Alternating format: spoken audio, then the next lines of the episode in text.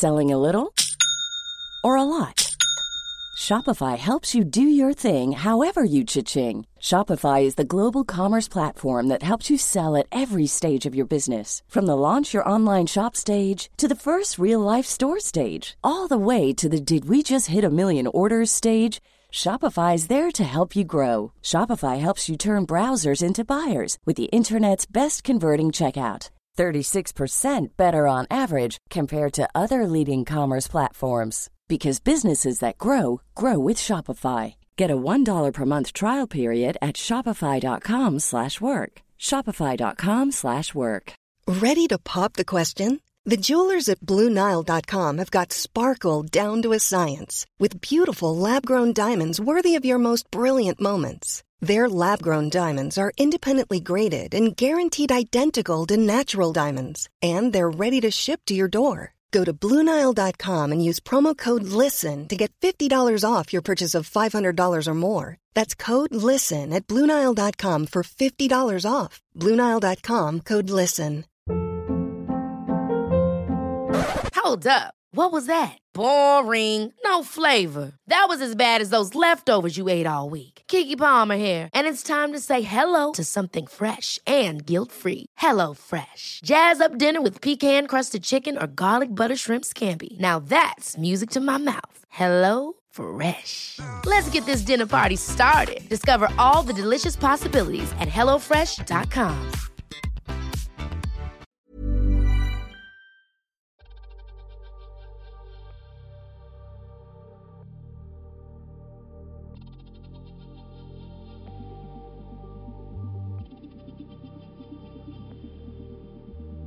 Varmt välkomna till Efter sex. Hej! Hej! Hur är läget? Ja men det är bra, hur är det själv? Det är bra. Ja? Ja, tycker jag. Ja? Jag har haft en migrän i ett par dagar. Ja det var ju helt sjukt vad Sån- den satt i. Sån satan som inte ger sig. Alltså det är ju, det, det kan vara så vidrigt. Jag Ja. visste ju inte det innan jag fick min första migrän. Då trodde jag, jag visste inte ens att det var asjobbigt men nu vet jag att det är vidrigt. Alltså jag trodde länge att migrän var en myt. Ja men samma här. Jag Eh, trodde att det var typ världens bästa svepskäl för att slippa göra saker. Ja, jag Alltså, med. Jag har ju liksom levt ihop med en morsa som har liksom brutal migrän. Ja. Och jag tyckte alltid att det var mm, bara ett skäl för att få gå in och lägga sig i ett mörkt rum och att alla skulle vara tysta. Ja, nej men jag vill be om ursäkt för det här nu. Förlåt, förlåt, ursäkta. Ja, nej men verkligen. Nu, nu vet jag. Ja, för att alla måste ta mig på allvar nu. Ja. Det är fruktansvärt. Det är verkligen det. ja. Men det är bättre nu. Ja. Ja. Får jag bara eh, ta upp en liten grej här innan vi drar igång på själva ämnet som ju är eh, ja, men typ lyckopiller och sex i relation till varandra. Eh, jag skulle vilja ta upp ljudet. Ja. Mm. Alltså, vi har fått ganska mycket kritik för ljudet. Och eh, det är eh, absolut mitt fel. Alltså, jag kanske ska presentera oss. Eh, Alex här. Nej men vad är det här för jävla självhat nu? Nej men det är inget hat. Det, Nej, det finns, jag ju, det finns ju en logisk förklaring till varför ljudet eh, har varit som det har varit. Ja. Och det är för att vi dels använder olika mickar och eh, jag vet att det är ett specifikt spår som folk har eh, stört sig lite på. Okej. Ja. Eh, och det är ju upptagningen ifrån swingersklubben. ja. Ehm, Men där, alltså där bör man också lägga till tycker jag att ehm, när vi gör de här intervjuerna på plats så är det ju också eh, vad ska man säga, en levande miljö. Mm. Alltså eh, Ja, men just det här fallet så hade det kunnat gått att justera om jag hade varit duktigare på att tjata på folk att prata in i själva micken. Eh, Men jag tar åt mig eh, all. Jag är jätteglad för feedbacken. Dels så innebär det ju att folk lyssnar. ja det är jättekul. Men eh, jag vet ju själv som är nördig när det kommer till outputen i ljudet ja. hur jävla störigt det kan vara. Men jag vill jag vill köpa en sån Zoom. ja! En sån liten box som man kan ta med så man kan sätta in såna eh, musikmickar till som enbart tar in ljudet som är framför. ja. Ehm, så det ska jag göra. Det är nästan så att jag funderar på att starta någon form av insamling till skiten.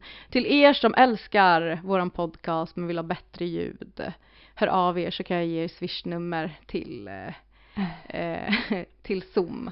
Ja men alltså det här är ju också Alltså vad ska man säga, det är en startsträcka som är jättespännande. Alltså det händer ju grejer hela tiden. Vi lär ju oss också nya grejer hela tiden i och med den här dokumentären. Ja. Vilket är jättekul tycker jag och eh, så här, ja, eh, allt blir ju bättre bättre hela tiden. ja men exakt. det är väldigt mycket så här ehm, att man lär sig ordning på saker. Alltså Ja. så här, okej men det blir bättre om jag skriver det här först Ja. och sen lägger till ljuden. Eller det blir bättre om jag först dissekerar klippen, namnger dem, sätter dem in. Alltså så här, det, är- det är ju jätteomständigt för att fan vet med er att jag inte har någon jävla utbildning när det kommer till eh, prodden. Jag är bara så här hobby, hobbyproddat. ja, Ehm, och ändå är du så jävla grym. Det är skitbra. Tack, fan vad snällt. Men det var, jag vill bara påpeka att jag hör er eh, och jag ska försöka göra så att ni hör oss lite bättre. Eh, men jag vill också säga någonting som är kul är att alla som har skrivit om ljudet faktiskt börjar med att skriva att det är skitbra, Ja. förutom. Alltså då är ju en petitess som ljud eh, liksom eh, inte lika, det väger inte lika tungt som hur, hur, hur fina ord vi får. Nej men verkligen, alltså jag eh, blir lite rörd faktiskt. Alltså så här, jag, men jag tror att det är så här, det här är ju ett projekt som betyder jättemycket för oss båda. Mm. Eh, eller bara mig. Jag. Nej, det här betyder jättemycket för oss båda och eh, det ligger så jävla mycket jobb bakom det. Och det är någonting som vi är väldigt stolta över också. Eh, alltså varje avsnitt som vi har släppt så är det så här. Ja. Ja. Ja, verkligen. Det är ju det här vi alltid har velat göra. Så Ja. jag tänker att eh, eh, det är så kul att det funkar. Och just nu är vi i en fas där vi eh, inte är i fas, om man får säga så. Alltså där egentligen allting som ni hör på torsdagen är eh, i princip eh, skapat, eh, alltså just ljudet som ni hör, som Matilda liksom läser in sådär jävla snyggt. Det har hon liksom gjort på en one take wonder dagen innan. Eh, och då har jag suttit liksom då natten till torsdagen och pratat ihop det med alla klipp och undersökningar som vi har gjort. Eh, så att det är ju, jag längtar till att vi har eh, eh, svinmycket material på plats Ja. så att man kan liksom förarbeta det. Men det är ju en sån fasfråga som sagt Ja. Det var inte meningen att vi skulle göra alla de här grejerna själva från början. Nej, nej det var det verkligen inte. Så bear with us. Eh, Ja. Och eh, som sagt var, ja ni får väl höja och sänka lite. Det är väl ingenting mer med det. Nej Eh. men som sagt det är vi är riktigt kul att det är så många som lyssnar. Vi Ja. blir jätteglada. Ja, eh, veckans ämne. Mm. Eh, het potatis. Ja. Alltså det här är ett ämne som eh, jag tycker är så himla viktigt. Jag är, det betyder jättemycket för mig att vi gör det här ämnet.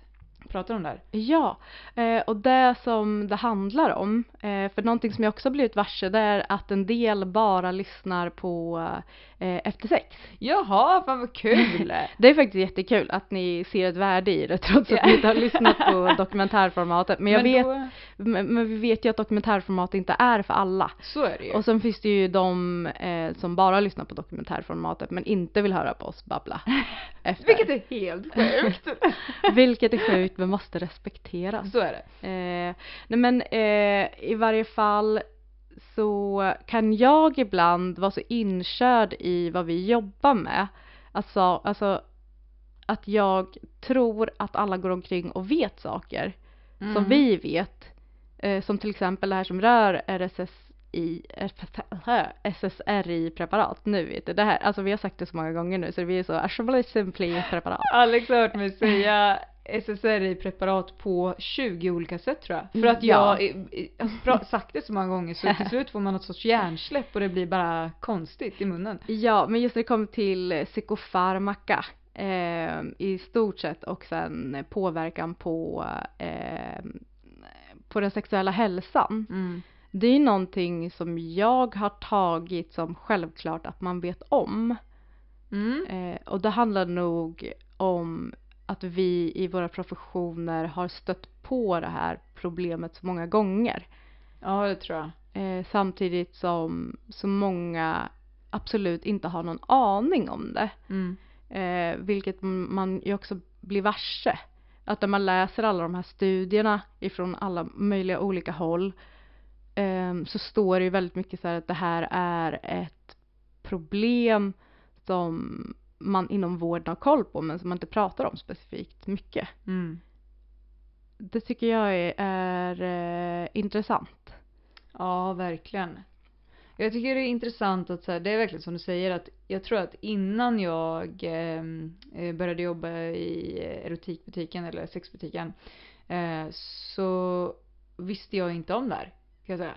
Eh, men nu som sagt, nu blir det ju en sån självklarhet eftersom att vi också vi pratar med så mycket människor och vi, ja, eh, jag vet inte vart jag vill komma med det här.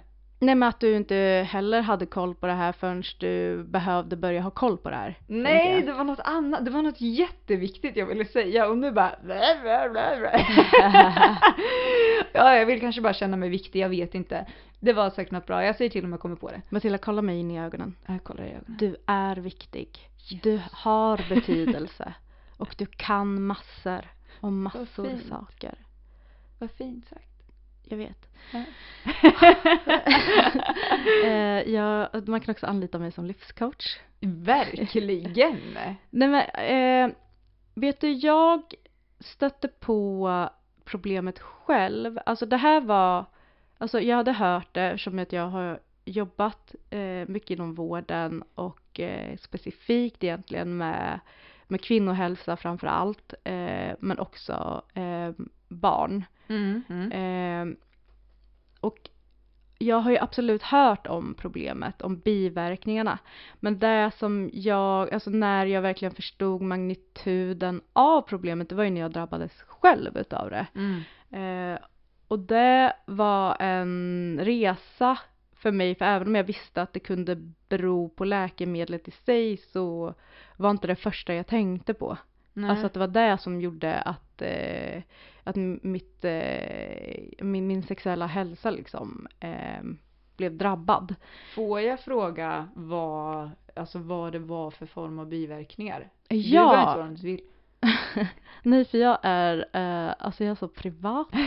eh, nej men eh, det, för det första kanske det kan vara bra att veta varför jag liksom sökte det för att jag tycker det också är eh, viktigt. Mm. Eh, och det var för att jag under, eh, ja men egentligen, egentligen sen jag eh, debuterade med eh, mens Mm. så har jag haft sinnessjuka, alltså hormonrubbningar. Alltså jag har drabbats av de fruktansvärt PMS som jag sen fick eh, diagnosen eh, PMDS för. Mm. Eh, och det är alltså en, en grövre PMS som liksom drabbar ens eh, liv på, det, måste, det finns en punktlista för så här, det måste, man måste kvala in på typ fem av de här tio. Ja, Det finns alltid så här kriterier Ja men precis, liksom. så vi vet att du är tillräckligt störd för att få den här diagnosen.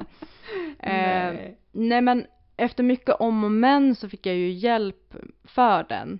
Mm. Och det som man får eh, då är eh, antingen p-piller eller eh, eh, psykofarmaka. Alltså, Förlåt. Jag, sitter som en groda men det var väldigt behagligt. Liksom. ja visst är det skönt att krypa Ja. upp lite? Åh, så mysigt. Ja. Så fan. Så kanske. Nej!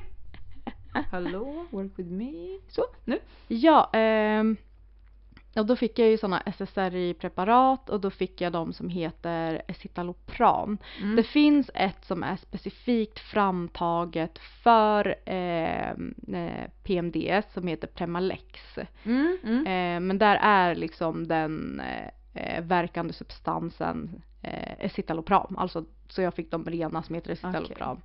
Eh, för Premalex är skitdyrt.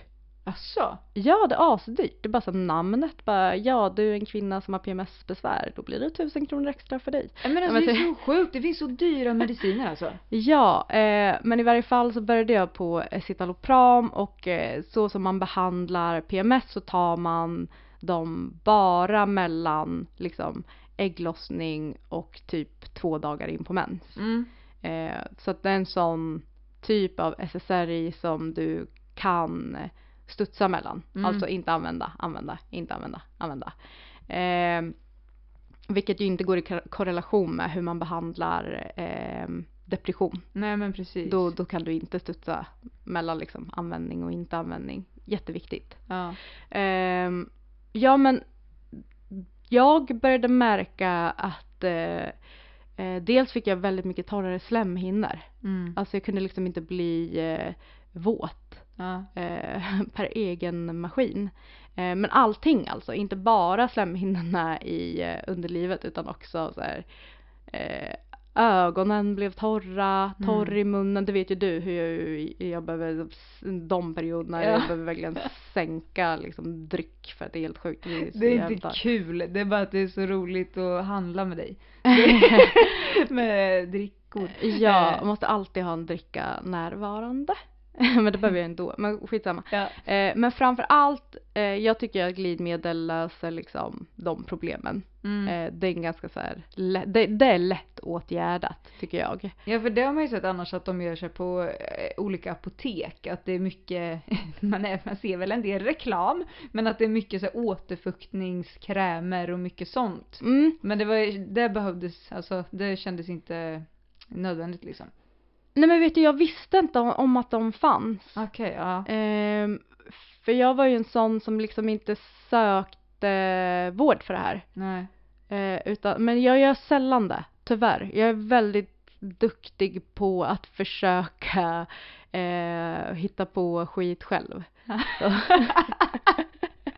Eh, Dra en liten googling och Ja, så men bara, exakt, jaha, nej, men det här kan jag lösa. Ja, ja, ja, men då tar jag, då, då tar jag på mig min liksom låtsasläkarrock och bara går loss på mig själv. Eh, ändra kost och allting. Eh, nej men eh, mitt främsta problem med escitalopram är orgasmen. Ja. Alltså, och det är så här att sex är nice, det är skönt och sen ska man nå klimax och så är det som, du vet när man ska nysa, Ja. när man bara Ja, när man nästan söker ljuset med ögonen för att det ska bli en sån jävla liksom. nysning liksom. Men du vet när nysen blir, dör? När man är såhär, Ja. "Hå, hå, sy." Och för fan det är så jobbigt. Det är så himla jobbigt. Det var min orgasm. Men alltså, och det var liksom varje gång då, eller under tiden du gick på... Va, alltså varje gång under tiden jag gick på citalopram, de två veckorna, ja. eh, men sen också typ fem dagar efter så var det som att det var kvar i systemet liksom. Det var så jävla svårt att, eh, eh, att uppnå den. Men hur blev det då? Jag bara öser på med privata frågor. Du får säga stopp om du vill. Stopp min kropp. Ja. Nej men kör. Nej men så här. För jag kan tänka mig då, du vet ju, jag, jag har ju pratat lite om att jag kan vara i perioder och sådär med att jag har haft smärta under sex och att det gör att jag då eh, inte känner att det är värt att ha sex. För Mm. jag tänker att ja, men det kommer säkert göra ont så att det är inte värt det. Eh, för att det har varit sån hög smärta liksom. Kände du så då också när du började märka av de här eh, bieffekterna? Att det blev så här, ja men det är inte ens värt att eh, ha sex eller att onanera för att det kommer inte bli alltså, lika intensiva orgasmer som jag brukar ha. Mm. Nej, alltså så här, vet du, det var nog mer tvärtom, att det kändes typ inte värt att ta medicinen. Aha. Om jag ska vara ärlig. Så att om jag visste att eh, eh, att så här, ja men jag och Petter ska på spa säger vi. Mm. Och så ska vi sova på hotell. Då började inte jag ens den perioden att ta medicinen för att här, jag vill inte snuva mig själv på den. Då får jag må piss de andra Ah. dagarna så att jag kan få en fucking orgasm på spa. Alltså det där, jag I mitt hotellrum vill jag bara tillägga. inte på spat men ni fattar. Jag tycker att det är så hemskt att man ska behöva välja. Ja, eller hur? Jo fast vet du, jag, jag tyckte att det var fett ovärt att eh, onanera själv. Mm. Det gjorde jag inte under de perioderna. Och då blev det mera som att, att sexet fick bli något annat än just jakten på orgasmen. Mm. Eh, vilket jag också mm, tror gör mycket för, för utvecklingen av en. Men det är ju skitjobbigt när eh, man eh, verkligen vill ha en. Ja, det är klart. Eh, så det, men ja, jag tycker också just det här att välja emellan är jobbigt. Eh, men jag tänker på rösterna som vi hörde i, i podden. Mm. Eh, där vi hör, kan, säger vi namn? Eh, ja. Mm. Förnamn. Ja. ja men till exempel där vi hör Tio prata. Det jag tycker att det är jätte, jätteviktigt att så här, det här är inte en propa, alltså så här, den här, det här är inte en propaganda för att man ska så här slänga sin, sin medicin åt sidan för att så här, å, alltså så här, kunna njuta av sex. Det är inte det som är frågan, tänker jag. Nej. Så jag tycker att det är viktigt att höra honom säga att så här, det är värt att ta medicinerna. Därför för att jag kanske inte ens hade funnits här. Mm. Eh, och det är någonting som jag tycker vi behöver lägga ganska mycket tyngd i. Att så här, det här är verkligen inte så här eh, ta inte medicinerna för din sexlust kommer att dö. Det handlar inte om, om skrämselpropaganda, om huruvida du ska gå på ett läkemedel eller inte. Utan det det handlar om är att vi vill lyfta just sexuell hälsa på ett, ett vårdplan också. Alltså Mm. för att det glöms bort väldigt ofta att det också är en väldigt stor del av människans välbefinnande. Ehm, och, och där, där tycker jag att ordet sexliv förstör mycket för oss. Mm. Att vi har valt att kategorisera in eh, sex som ett annat liv. Mm. Alltså vi säger ju inte så här, men vårat matliv Nej. eller vårat sovliv eh, eller vårat träningsliv. Alltså också viktiga aspekter av att vi ska kunna fungera och navigera i vardagen på ett hälsosamt sätt. Där jag tror att vi sätter en jävla barriär emellan vårat liv och det som händer med oss rent sexuellt som att det inte hör till. Mm. Eh, och det tror jag förstör på jätte, jättemånga plan och kanske specifikt när det kommer till vården. För jag tror att många resonerar som så att mitt sexliv är privat. Mm. Eh, att mitt sexliv är något annat som inte går att förena med övriga delar och aspekter av livet och att det ska inte påverka. Trots att Det gör det väldigt mycket. Allt du gör Ja. påverkar det som vi har valt att kalla för sexliv. Mm. Och det tänker jag bara i så här stamspel ihop med partner så spelar ju början och mitten på dagen jättestor roll för om lust för sexuell aktivitet ska infinna sig när du släcker lampan och går och lägger dig. Mm. Ja, men hur många gånger har vi inte hört liksom såhär, men hon vill aldrig ha sex med mig, men vad fan gör du för att hon ska vilja ha sex med dig då? Uh, ja, jag petar på henne lite när vi släcker lampan. Mm. Men, så, men du måste ju engagera dig rent sexuellt i din partner om dagarna med för att man ska ha någonting att längta efter, Mm. tänker jag. Ja, nej men jag är helt med dig. Jag, absolut, absolut. Och jag tycker det är... ehm, Nej men som sagt, det här är ju verkligen inte... Vi har ju inte gjort det här avsnittet för att på något sätt eh, avråda människor, människor från att ta sin medicin eller från att börja medicinera eller liksom så. Det är ju inte det det handlar om utan vi vill ju verkligen lyfta det här för att det är ett väldigt viktigt ämne och för att eh, ja, det är så, så tråkigt och lätt hänt att man känner sig ensam i situationen och, heller inte vågar söka hjälp. eh, just när det kommer till sitt sexuella välmående. Ja, eh, och där tänker jag säger en del, jag tänker på eh, på en artikel som vi använde oss av eh, där det framkommer att eh, de, utav alla de som eh, använder sig utav SSRI-preparat Mm. eh, att det är mellan 30 till 80% som drabbas av sexuella störningar tänkte jag säga, men det blir jättefel. Eh, men av, av, av liksom sexuell ohälsa. Ja, ja. Eh, ringer Nova igen, bara förklara för mig vad en sexuell störning är. Nej nej men, men jag menar så här, och där ser man ju också på hur liksom inte fastslaget det är och att däremellan så är det sånt, ett sånt jävla mörkertal av människor som för de enda man egentligen kan göra den här studien på det är ju de som söker hjälp för det. Eh, och det är väl det som är kärnan i vad vi vill åt. Det är att för att kunna göra någonting åt det Mm. så måste man lyfta upp det på bordet. Vi kan inte hålla på och gömma det i det här privata och det som ska vara liksom mellan mig och min partner och så här, det, alltså sex, alltså sex är en väldigt stor del av vad som gör oss till människor. Vi är ett utav få djur som använder oss utav sex för annat än fortplantning. Mm. Vilket ju indikerar på att det är en väldigt mänsklig och eh, viktig del utav oss. Och kollar man på Folkhälsomyndighetens sida så har ju de också lagt väldigt stor vikt vid människans sexualitet. De har Mm. satt upp riktlinjer för vad som är våra rättigheter men också skyldigheter gentemot varann.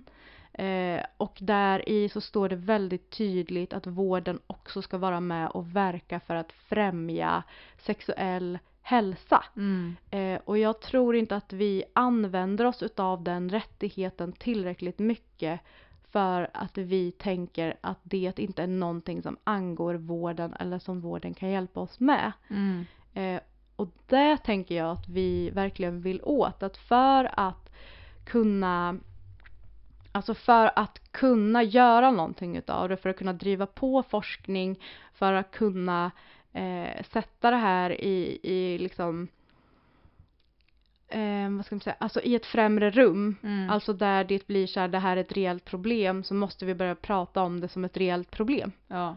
Eh, och det tycker jag blir skittydligt när vi hör Sofie prata Mm. om hur mycket det kan ställa till i ens relation till varandra. Ja, absolut. Ja, jag tyckte det var, ja det är så himla, det är så viktigt. Det är så viktigt att höra det här.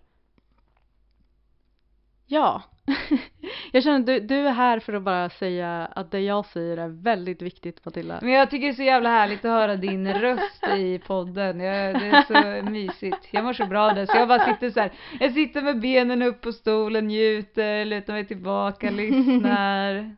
Så nice att höra din röst. Men någonting som jag eh, också reagerar på det är när Sofie lyfter att hon blev varse liksom att det här var ett problem för andra när hon började kommunicera med andra i eh, typ så Facebookgrupp.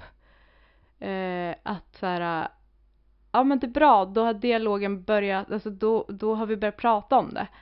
Eh, men det här måste ju komma fram till vården.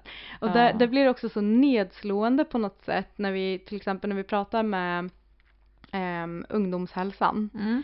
Eh, där de liksom svarar, vi fick prata med en kvinna som ju också är sexolog vilket indikerar på att man tycker att sex är en väldigt viktig och vital del liksom. Mm. Där hon som sexolog på ungdomsmottagningen faktiskt säger att så här, vi som jobbar här, vi tycker att det är jätteviktigt att prata om de sexuella aspekterna innan man liksom eh, skriver ut de här. Mm. Vi tycker att det är jätteviktigt att lyfta den problematiken.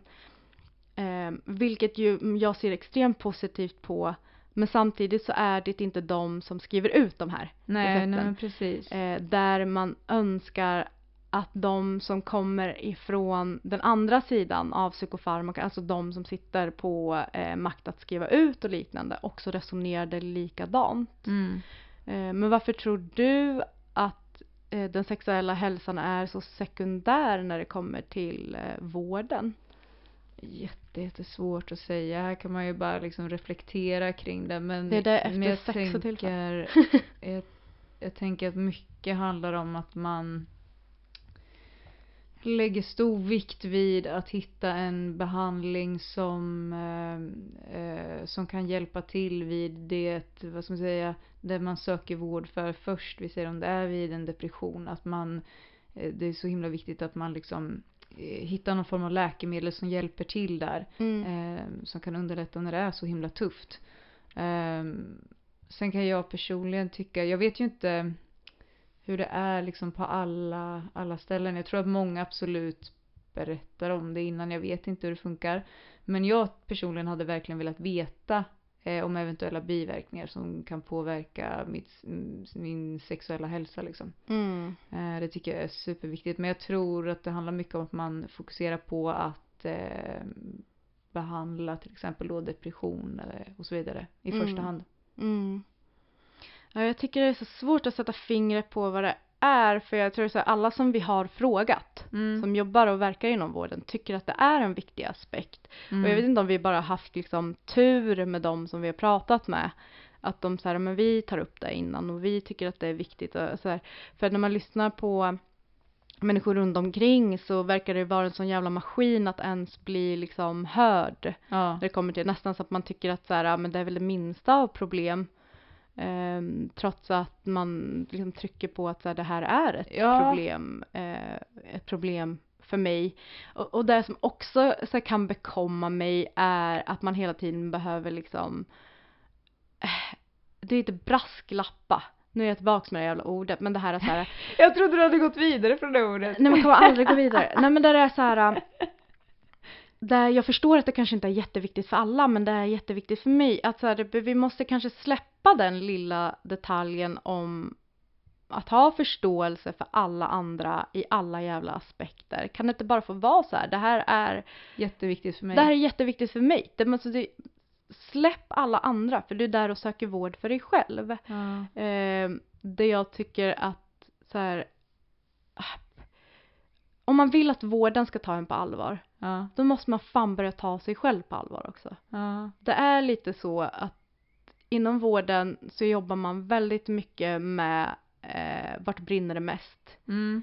Det jag tror att man behöver bli lite bättre på att bygga upp sig själv, vilket kan vara astufft. Alltså det kan vara astufft att bygga upp sig själv inför, men man måste nästan sätta på fucking Eminem och bara eh, ge sig själv ett par örfilar Mm. innan man går in. För där behöver du kriga för dig själv. Mm. Alltså inom vården så behöver du säga det här är ett skitstort problem för mig. Mm. Det som sker nu har en sån jävla stor påverkan på min relation. Jag eh, vill knappt se min partner. Alltså bara tanken på att ha sex med min partner får mig att må illa och det har aldrig varit så förut. Mm. Eh, och det förstör och det främjar inte min psykiska hälsa. Hälsa? hälsa. Eh, vad kan vi göra åt det här? Ja. Ehm, och det, jag tror att vi behöver bli bättre för jag tror att vi som svenskar är ett folk som är väldigt så här. ja det är lite jobbigt för mig men jag kan leva med det om det inte går att göra någonting åt. Men vi- alltså, vill du veta en intressant sak? Nu ska jag bli lite personlig här. Ja, gå ja. loss. Ja. Eh, nej men så här. Att jag har tyckt att det är så himla eh, intressant och viktigt ämne att prata om ju. Eh, och någonting som fick, gav mig en så här riktig tankeställare det var en diskussion vi hade här hemma. Eh, när jag hade ja, men så mycket, mycket smärtor under samlag. Mm. Eh, så att det verkligen var så här, nej det här, det här skiter jag i, jag, det är inte värt det liksom att ha sex just nu. Eh, och liksom, det sjukaste av allt är så här, jag jobbar med att prata om sex. Mm. Vi pratar om sex hela tiden. Jag tycker inte att det är jobbigt, men på något sätt så blev det skitjobbigt för mig att söka vård för att jag hade ont. Att jag hade de här liksom besvären. Mm. Och jag vet, jag kan fortfarande inte sätta fingret på varför. Är inte det konstigt eller? Jo, men jag undrar om det är att vi har tagit sex och satt det på någon slags pedestal som också ska så symbolisera hur bra en relation mår. Ja. Eh, och att vi alltid när vi pratar om sex så ska det alltid vara i en med liksom en positiv klang. Det får aldrig vara liksom It's that time of the year. Your vacation is coming up. You can already hear the beach waves, feel the warm breeze, relax, and think about work. You really, really want it all to work out while you're away. Monday.com gives you and the team that peace of mind. When all work is on one platform and everyone's in sync, things just flow wherever you are. Tap the banner to go to Monday.com. Ever catch yourself eating the same flavorless dinner three days in a row? Dreaming of something better? Well, HelloFresh is your guilt free dream come true, baby. It's me, Gigi Palmer. Let's wake up those taste buds with hot, juicy pecan crusted chicken or garlic butter shrimp scampi. Mm. Hello Fresh. Stop dreaming of all the delicious possibilities and dig in at HelloFresh.com. Let's get this dinner party started.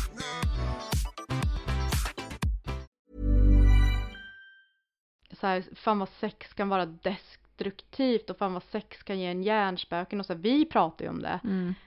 Men det är ju för att man inte gör det. Det är Mm. därför vi ser att det finns eh, en vikt i att man gör det. Där det liksom är, där man sitter med sina tjejpolare och snackar och då är det liksom så här, min kille har så himla stor kuk och min kille kan hålla ut så här länge och vi har så här bra sex och han gav mig 14 orgasmer och hitan och ditan. Istället för att kanske prata om så här, vart det brister, vart problemen ligger också. Mm. Eh, alltså vi, vi, gör, vi, vi, jäm, alltså vi måste kanske platta till sex, putta ner sex ifrån den här pedestalen och låta den leva som alla andra jävla känslor gör. Ja. Alltså så här, kan det inte bara få vara en del av vilka vi är där det kan vara skit och jättebra. Mm. Eh, och jag tror också just för att vi har gjort det så jävla privat Mm. att det är jävligt svårt att prata med någonting så allvarligt som så här, med någon som har så här utbildat sig i 45 miljoner år för att bli läkare och så, så ska jag komma med mitt lilla problem när folk dör. Ja. Och det är liksom så här, du kommer också dö någon gång. Ta det då, men se till att göra ditt liv så jävla bra som möjligt under fucking tiden. Ja. Men det är jättesvårt att prata om det. Jag kommer ihåg att efter förlossning och allt sånt där så tyckte jag att det var också att det var så här, så här typ jag har fött ett barn som är friskt och allting blir bra men, men jag har ont när jag har sex och det känns så jävla sekundärt men det är också viktigt. Mm.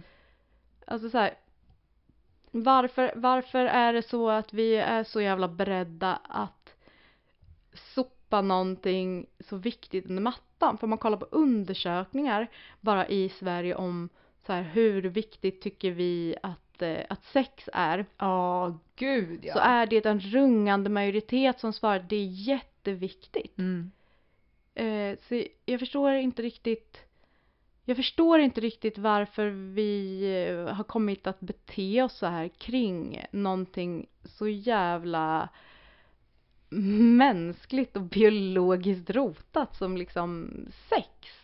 Men tror du att så här, det hade varit en bra lösning, eller inte, inte en lösning, men ett bra tillvägagångssätt att man tar upp eh, sexuell hälsa och sexuell ohälsa för den delen. Alltså mer, vad ska man säga, men på läkarbesök och liksom sådär att man gör det mer som en rutin för att det ska bli mer avslappnat och ett mer så här, ja men vissa ämnen kan ju folk känna att det är lättare om någon annan tar upp, om någon annan frågar.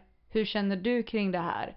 Än att man själv ska behöva säga, oh du förresten, sen råkar det vara så här. Mm, mm. Ja, alltså absolut. Jag tycker ju att det borde vara, när man går på de här äh, hälsocheckarna som oftast finansieras av företag till exempel, Mm. att man får gå och göra en sån så här hälsokontroll eller liknande. Där tycker jag absolut att det ska på det här formuläret finnas någon del som berör din sexuella hälsa. Mm. Ehm, och sen, alltså förutom det som rör liksom sjukdomar. Ja. Det är klart att den ska vara med, men jag menar så här, det, det, vi har på något sätt tryckt in sex när det kommer till vården i ett fack som har med allt som är, är liksom eh, könssjukdomsrelaterat. eh, något annat som vi faktiskt är ganska duktiga på inom svensk vård att eh, validera människor i det är eh, erektionsproblem. Mm. Eh, och där kan vi ju bara spekulera i varför man tar hänsyn till den typen av sexuell ohälsa, även Mm. om jag tycker att den är jätteviktig.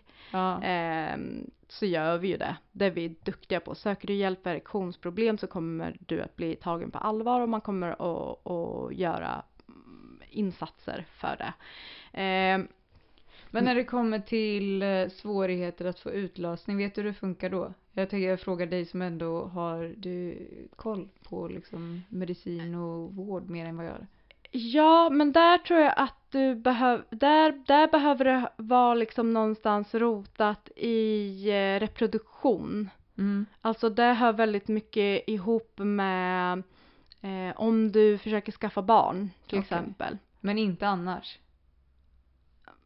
Svårt att säga, jag vågar inte svara på det. Ja. Men jag vet att där, där man lägger vikt vid det, för det handlar ju verk, verkligen jättemycket om just fortplantningsförmåga. Okej. Så där kan jag tänka mig att man tar absolut seriöst. Men sen vet jag i, i korrelation med eh, lyckopiller eller eh, cytostatika och liknande så vet jag inte om man ser det som sekundärt. Mm. Det, det vågar jag inte riktigt svara på. Men, men där du sa så här, tror du att det skulle vara någon hjälp att man tar upp det där? Ja, jag tror att det skulle vara till jättestor hjälp om man gjorde det till en naturlig del av, vårdkontakt. Mm. Och inte bara när man söker typ hjälp på gyn Nej. utan i alla instanser utav vården. Ehm, så tror jag att det skulle förebygga väldigt mycket när det kommer till stigmat kring sex. Mm.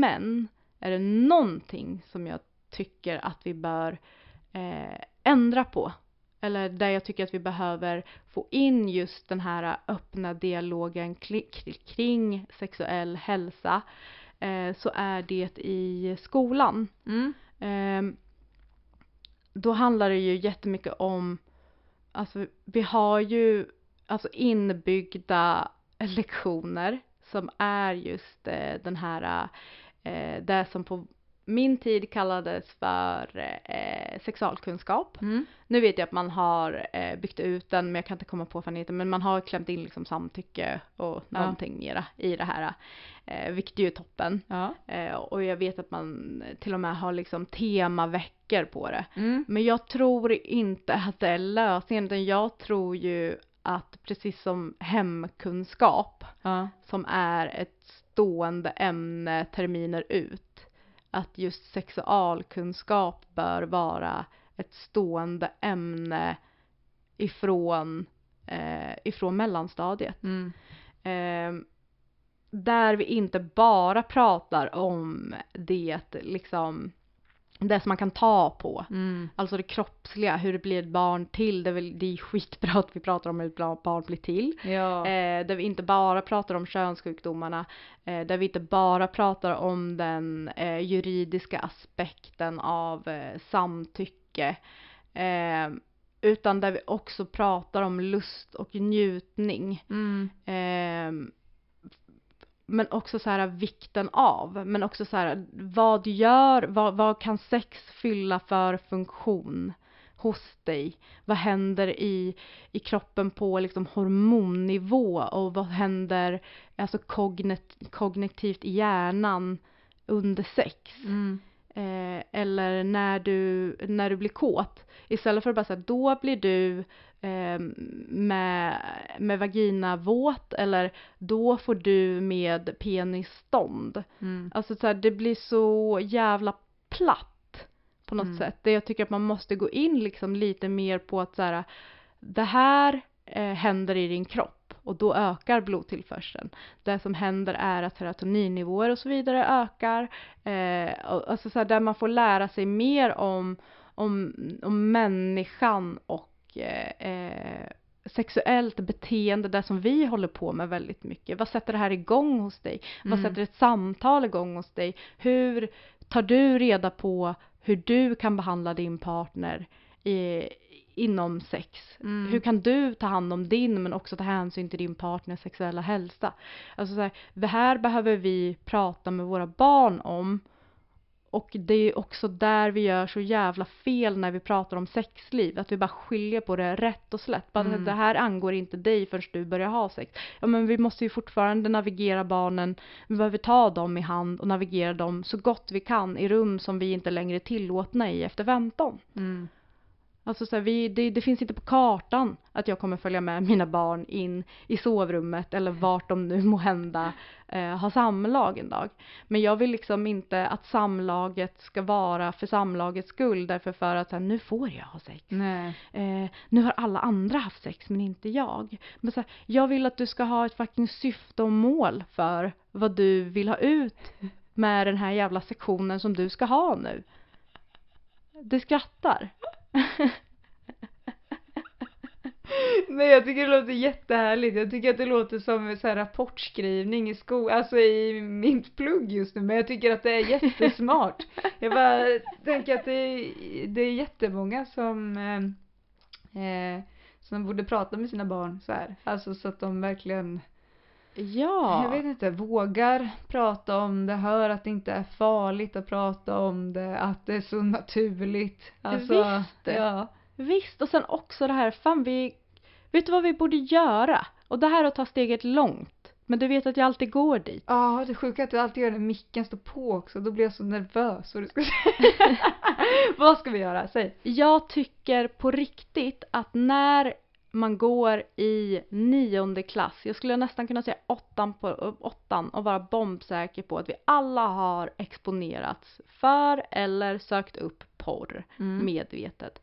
Jag tror att vi på riktigt behöver visa upp porr med någon som kan navigera dig i det pornografiska rummet. Okej. Här ser du att det här sker. Mm. Vad tänker du kring det?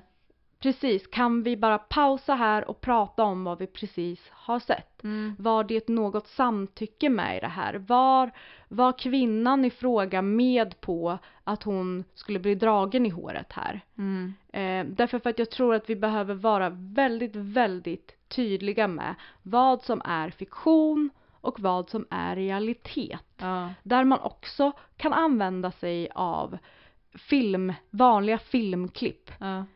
Hur går det till här? Ja. Det behöver inte vara liksom en regelrätt, eh, ett regelrätt samlag vi kollar på, utan vi kan faktiskt använda oss utav, eh, utav filmen Mm. också. Eh, vilket det här ju också är på ett sätt, men du förstår vad jag menar. Det, det jag tror det är väldigt viktigt att pinpointa i ett rum som vi ska släppa ut våra barn i. Mm. Där vi bara är så, där, där, det, där det florerar klipp just nu på eh, sönderslagna tjejer på fucking TikTok där det är, ska symbolisera hur jävla wild and crazy sex du har. Mm. But det, det här är eh, eh, det här är inte hur sex ska vara. Mm. Men också kanske informera om att det finns någonting som heter BDSM. Ja. BDSM går ut på det här. Eh, för att kunna utöva BDSM så måste du vara jävligt utbildad. Och då kan vi skicka dig till Marika Smith Ja. som kan pinpointa områden med fucking millimeter på Ja. här kan du ge smisk. I syfte att Mm. ger du smisk här, två centimeter över, då kan du åsamka ryggskador här för att det sitter en nerv här. Alltså så här, barn tror nu att sex, att, att våld i korrelation med sex är en springande punkt för hur sex ska vara. Mm. För att vi hela tiden sätter ett skiljetecken mellan sex och vanliga livet. Sexliv, vanliga livet. För det har man också mycket den här eh, I want a lady in the street but a freak in the bed. Ja. Jag förstår, det låter väl nice, men vet med dig att du behöver inte gå in i någon annan konstig, du blir inte en annan människa när du har Nej. sex. För är du en blyg person, rent generellt, då kommer du att vara där i sexuella sammanhang också. Är du en crazy person, like Antis crazy Russian friends, Jag trodde du skulle säga som mig. Nej men så här, då är sannolikheten att du, om du är en äventyrlig person så är sannolikheten större att du faktiskt är äventyrlig i, i när det kommer till sex också. Ja, men det enda sådana alltså, uttryck bidrar med, det är ju någon form av osäkerhet i människor att jaha, jag är inte bra nog som jag är mig själv. Mm. Så därför måste jag gå in och vara någon annan. Jag behöver gå in i någon sorts roll här. Jag behöver låtsas tycka om någonting jag inte tycker om. Jag behöver anpassa mig för att det är så man ska vara. Och det är inte sanningen. Ja, och det var ju det, vi, vi pratade ju lite om det i, i podden med det här nu. Eh, vi har ju också exempel på det att det är inte bara nu utan både Tio och Sofie började ju med de här SSRI-preparaten väldigt, väldigt tidigt. Mm. Alltså just eh, åldersspannet 15 till 26 är de som ökar allra mest i användningen av SSRI-preparat. Mm. Eh, och det i sig är ju en diskurs om varför det ser ut så. Det är ju en, en jätteviktig grej att ta. Men just när det kommer till sex och att lära känna sin, eh, alltså så här, lära känna sin orgasm, sin Mm. njutning och vad man tycker om.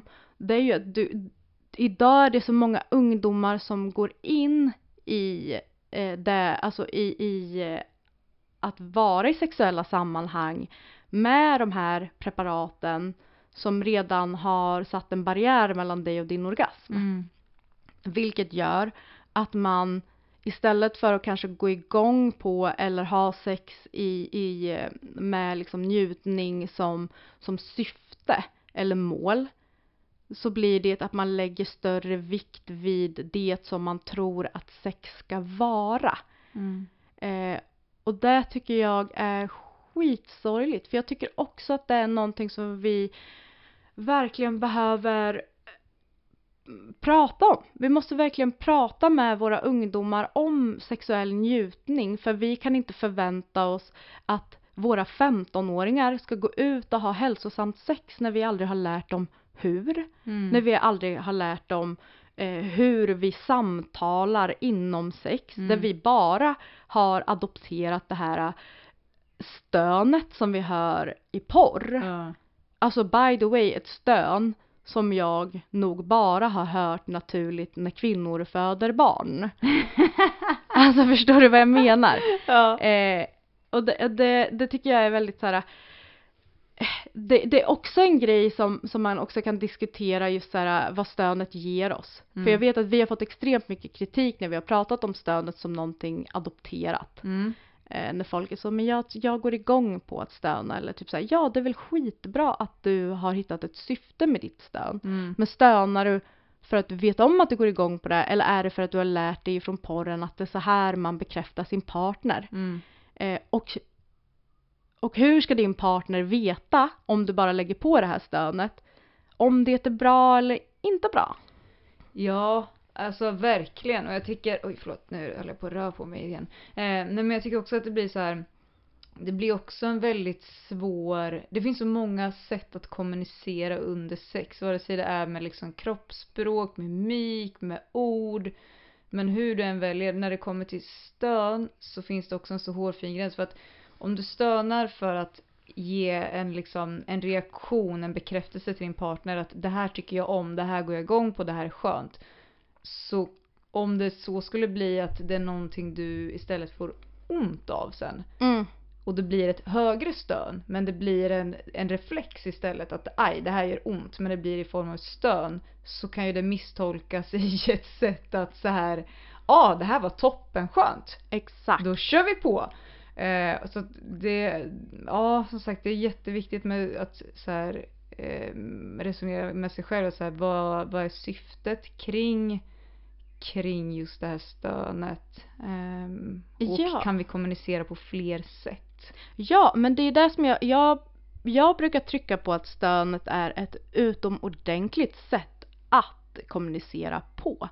Om man tycker att det är svårt att kommunicera, återigen, vi har gjort skillnad på hur man kommunicerar i sexlivet Ja. och det vanliga livet. När folk bara, jag vet inte hur man kommunicerar men hur fan kommunicerar du när du säger skicka saltet? Mm. Eller oj, det här var lite för starkt för min smak. Ja. Alltså så här, Vet du, inga problem, eller hur? Jag tänkte på en jätteintressant grej där. Mm. Jag pratade med eh, min sambo om, det var ett helt annat ämne, men då så sa han typ så här, bara, men jag tycker det är så svårt och liksom så här, jag vet inte hur jag ska, hur jag ska prata om det här. Eh, och då så sa jag bara så, men det är också ett sätt att kommunicera. Att säga, jag vet inte hur jag ska kommunicera kring det här. Men jag vill väldigt gärna prata om det. För bara genom att lyfta det, att säga, jag tycker det är jättesvårt att kommunicera kring det här. Så kommer ni på ett naturligt sätt att komma in på ämnet. Det kommer vara lättare att börja lyfta upp det på bordet och bara okej, här har vi det här ämnet. Det här har vi jättesvårt att prata om. Varför tycker du att det är svårt? Vad är det, och vad önskar du? Alltså det blir en helt, det blir en lättare grej liksom. Ja, alltså absolut. Och det tänker jag också just där när det här med att många har svårt att kommunicera under sex för att det är så himla mycket. Det är som att det vi presterar i samlaget bär på så jävla mycket stolthet och skörhet. Ja. Att så här, minsta lilla kritik eller alltså så här, minsta lilla så här man säger om någon annans prestation Ja. någonstans kan rasera hela ens självbild när det kommer till eh, hur man är som eh, sexuell partner. Mm. Och det är ju också någonting som är så jävla svårt att komma åt och jag tror också det har jättemycket med att vi inte börjar kommunicera med våra barn i tidig ålder för att det här är bara någonting som vi förväntas kunna. Mm. Trots att vi aldrig har gått igenom det. Men just när det kommer till att navigera med stönet så tror jag att vi behöver lära om. För nu, har vi, nu vet vi hur vi stönar. Ja. Alla vet det. Vi har hållit på med det sedan vi började ha sex. En kille behövde knappt liksom titta på en. Man bara mm. Alltså, eller som du säger, att också stönet har liksom ersatt aj Ja. i många lägen. Eh, det jag ändå tycker att så här, vi kan ta det här eh, stönet och börja eh, kommunicera med det. Att Mm. bara stöna när det är någonting som du vill ha mer av. Mm. Punktmarkera. Precis, för där, vi är så rädda för tystnad. Ja. Men som du säger, att bara lägga upp det här och jag vet inte hur jag ska kommunicera om det. Att det är också en form av kommunikation. Så är ju också tystnad en annan form av kommunikation. Mm. Vilket också leder till att man vill ha stönet där. Kanske då som, som man framför allt så blir man ju väldigt bekräftad utav det här stönet som man har lärt sig att så här, ja men det här gör kvinnor när de tycker att det är skönt för det har jag sett på porr. Mm. Då kanske man vill jobba lite mer för stönet eh, och då under tystnad söker nya vägar som gör att stönet kommer tillbaks igen. Mm. Eh, och det, det tror jag är det absolut viktigaste men också att när man när man har sex som, alltså som par eller fler om vi ska hänvisa till swingersklubben där man är jävligt kommunikativ Mm. för att man är så jävla bra på sex. jag tänkte säga. Nej, men så här, det handlar ju inte om vad du gör för fel eller rätt i sängen. Det handlar ju om vad vi som lag någonstans ska göra för att vårt sexliv ska bli otroligt bra. Ja, verkligen. Bra sagt. Men vet du, jag tyckte det var så skönt att så här, eh, eh, när vi pratade med Theo Mm. eh, så berättade han eh, att det var så, så himla viktigt det här att liksom om man eh, är, lever med en partner till exempel Mm. eh, eller ihop med en partner att man vågar lyfta det här. För att återkomma lite till just Till ämnet. Eh, ja, vi, är också rätt så iväg men eh, kring eh, olika biverkningar man kan få av SSRI-preparat till exempel. Ja. Att just så här, att försöka att, eh, vad ska man säga, att inte oroa sig för mycket över en partners reaktion. Mm. Eh, utan att så här, ja, det, våga lyfta det. Jag tycker det var så viktigt att bara få höra det liksom. Ja, eh, alltså, och där kommer vi också in lite på det här med att man tar minsta lilla som kritik. Mm. Eh, där han liksom eh, jag, ty- jag tycker bara att det var så enormt modigt överlag att ens eh, prata om det. Eh, och kanske specifikt som man där just eh, det, det är ett sånt jävla stigma kring eh, erektion Mm. eh, och utlösning. Där han då faktiskt delar med sig av att hans då, eh, dåvarande partner i fråga tog det som liksom en hint om att hon inte var tillräckligt attraktiv eller Mm. att hon inte var liksom knullbar på det sättet. Eh, dels så behöver vi kvinnor sluta med det. Mm. För vi är så jävla duktiga på att överanalysera allt som händer kring mannen. Det är Ja. alltid någonting med oss att göra. Och det är specif- har specifikt alltid med att göra att vi är fula. Ja. Alltså den måste vi lägga ner. Men jag tror just att du kan Alltså så, som han säger och där du tog upp just där att så här, eh, läget ser ut så här. Mm. Eh, men det tror jag också har väldigt mycket med stigmat kring psykisk ohälsa. Att man Mm. helst inte tar upp det på bordet eller säger ens att så här, "Ah, bara så du vet så går jag på de här medicinerna. Mm. Men, men och så säger han ju, det, blir, det är ju liksom ingen som blir arg. Nej. Det, det är ju bara en bra, alltså en förklaring till vad som händer. Ja. Eh, så ja, verk, verkligen. Det Ja. tyckte jag var stort och bra. Eh, jag har tänkt på en sak under den här gången. Säg. Att när vi har forskat på siffror Ja. så har vi eh, liksom blivit varse att det är en sån himla skillnad på hur många eh, kvinnor kontra män som använder sig utav de här psykofarmakan. Ja, verkligen. Eh, Det, det var ju eh, forskningen var, ju- visade ju på att det var, eller statistiken kanske man säga, forskning, statistiken av forskningen. ja. Nu vet du, nu börjar jag bli trött. Eh, nej men visade ju på att det var dubbelt så många kvinnor eh, som män. Eh, Ja. 2021. Ja, och det tycker jag säger så mycket när vi också har eh, fler män som faktiskt tar livet av sig. Ja. Eh, och jag pratade om det här med eh, min partner hemma. Mm. Eh, där man bara så här, du kan ju bara egentligen ha teorier kring eh, varför. Mm. Men jag tror att vi kvinnor är väldigt mycket bättre på att prata sinsemellan Mm. om hur vi mår. Vilket gör att vi i våran tur får mer på fötterna, alltså vi får höra flera som säger så här, ja ah, men så mådde jag med Mm. och då gick jag hit och då fick jag den här hjälpen. Ja. Så jag tror att vi söker hjälpen snabbare. Jag tror att det är så himla viktigt att man får höra alltså det här, ja men så har jag det med eller så har jag också haft det. Eh, att det just den här eh, känslan av ensamhet, jag tror att den är, jag tror att den är jättehemsk, jättetung att bära. Eh, och det är ju som du säger, jag, man kan ju bara reflektera kring det men alltså det känns som att kvinnor kanske pratar mer om, eh, ja, om sådana grejer generellt. Vilket jag tycker är jättesynd.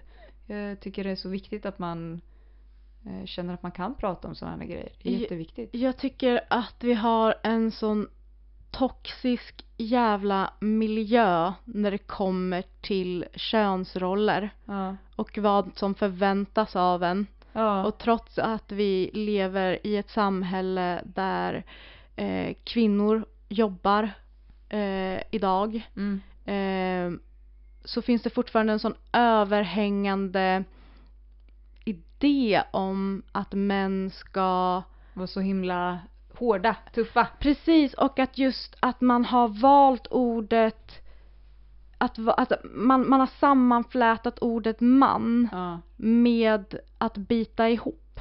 Att vara tycker- man nog. Ja det är så, det är så hemskt. Det är så hemskt. Alltså man kan inte ens föreställa sig vilken vidrig press det ger. Alltså det, det blir en så himla, så himla konstig bild av människor.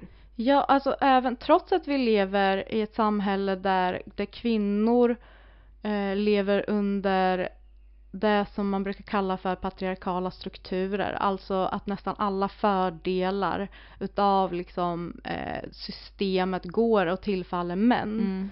Så finns det ändå, vad ska man säga, det finns fler sätt att få vara kvinna på än vad det finns sätt att få vara man på och Mm. ändå få vara man. Ja. där det så väldigt mycket faller inom ramarna för att du ska eh, ta saker som en man, Mm. du ska man up, är du man eller mus? Är du, alltså så här, där, där det hela tiden faller tillbaka på hur bra du är på att stå pall. Ja. Även om det handlar om ehm, om att förlora ditt jobb eller även om det handlar om att få stryk eller om det handlar, alltså så här, eller, eller om det handlar om hur länge du kan ha erektion eller hur stor kuk du har. Alltså allt ska vara så jävla, så du är en fucking man! Du är en fucking man! Alltså till och med när en fucking fyraåring bara voltar på cykeln, typ bryter nacken och gråter bara sluta gråta som en tjej då, var en Ja. man istället, skärp dig! Ja. Och så är du man eller mus. Alltså så här, det är det, alltså det förstör så jävla mycket för män men också för, för kvinnor. För att där har vi ju, alltså säga, det är väl kanske det enda positiva med att vara eh, kvinna om man ska ta så här, könsrollerna. Det är att man redan förutsätter att vi är fucking softies och skjuter för allt för då Mm. får vi utrymme att göra det. Eh, varför så här, men, men män får liksom inte utrymme att säga det här var, det här är så tufft för mig. Mm. Alltså att jag mår så psykiskt dåligt för att jag tycker att jag behandlas dåligt på jobbet. Mm. Alltså, så- jag, jag, tror, jag tror inte att det ligger i att män mår mindre dåligt än Nej. kvinnor, alltså när man kollar på de här siffrorna, utan jag tror att det handlar om att män tror att de, alltså att det är så nästan, alltså bögigt, för det är också en helt sinnessjuk eh, epitet att sätta på att vara liksom så här eh, känslosam eller känna saker, att man då ska använda så här bög. Mm. Alltså att det är det som är ordet för, att det har någonting med din liksom eh, sexualitet att göra överhuvudtaget. Där det också blir så här, ja men bög, då är du närmare ett steg kvinnor. Mm. När det finns liksom de manligaste utav manligaste om man ska ta i aspekten man up bland bögar. Alltså så här, aj fan jag tror vi har ett sån jävla problem och där vill jag ändå lyfta Bianca Kronlöfs eh, Ta det som en man. ta det som en man. Ja. För fy fan vad det satte fingret för mig på så många grejer. Alltså det finns så många som pratar om, om liksom toxisk maskulinitet och hitan och ditan. Det blir nästan så här. Ibland kan jag nästan störa mig så mycket på att man hela tiden ska så här lobba så jävla mycket för snubbar och deras jävla eh, känsloyttringar och allt sånt där.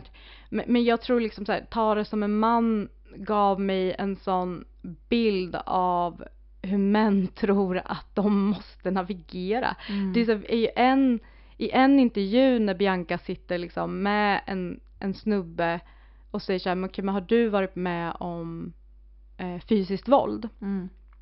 När han bara, nej, nej det har jag inte. Och sen i nästa andetag pratar de om hur han blev så sönderspöd på krogen. Man bara, well, Mm. det är fysiskt våld. Mm. Galning.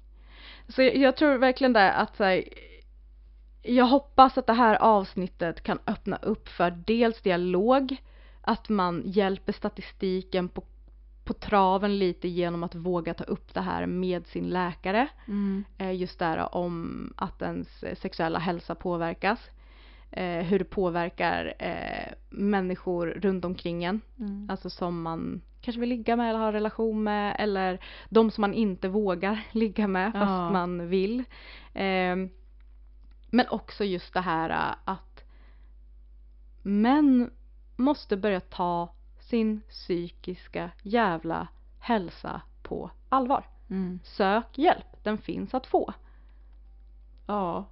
Och håll inte på och, jag vet inte, håll inte på med varann och liksom förminska eh, människors känslor och liksom så här, nej skärp er. På riktigt. Ja. Ja. Ja, har du något mer att tillägga? Nej, jag tycker så här att nu, nu lyfter vi upp det här på bordet. Mm. Och nu så börjar vi prata om det här helt enkelt. Det, är gör jätteviktigt. Ja, och jag tror att ljudet är asbra den här gången. Jag tror det med.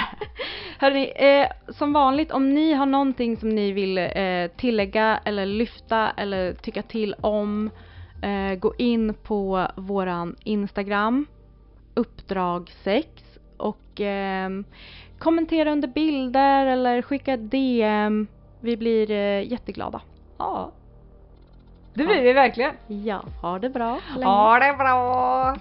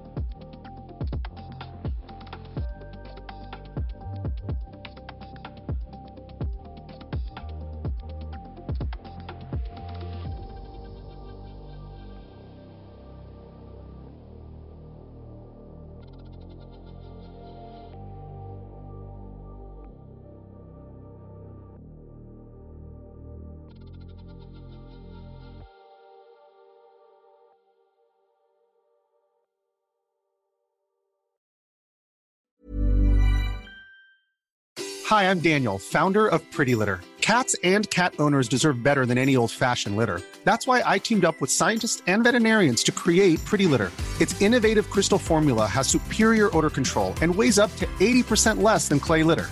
Pretty Litter even monitors health by changing colors to help detect early signs of potential illness. It's the world's smartest kitty litter. Go to prettylitter.com and use code ACAST for 20% off your first order and a free cat toy. Terms and conditions apply. See site for details. Hey, it's Paige DeSorbo from Giggly Squad. High quality fashion without the price tag. Say hello to Quince. I'm snagging high-end essentials like cozy cashmere sweaters, sleek leather jackets, fine jewelry, and so much more. With Quince being 50 to 80% less than similar brands. And they partner with factories that prioritize safe, ethical, and responsible manufacturing. I love that. Luxury quality within reach. Go to quince.com slash style to get free shipping and 365 day returns on your next order. Quince.com slash style.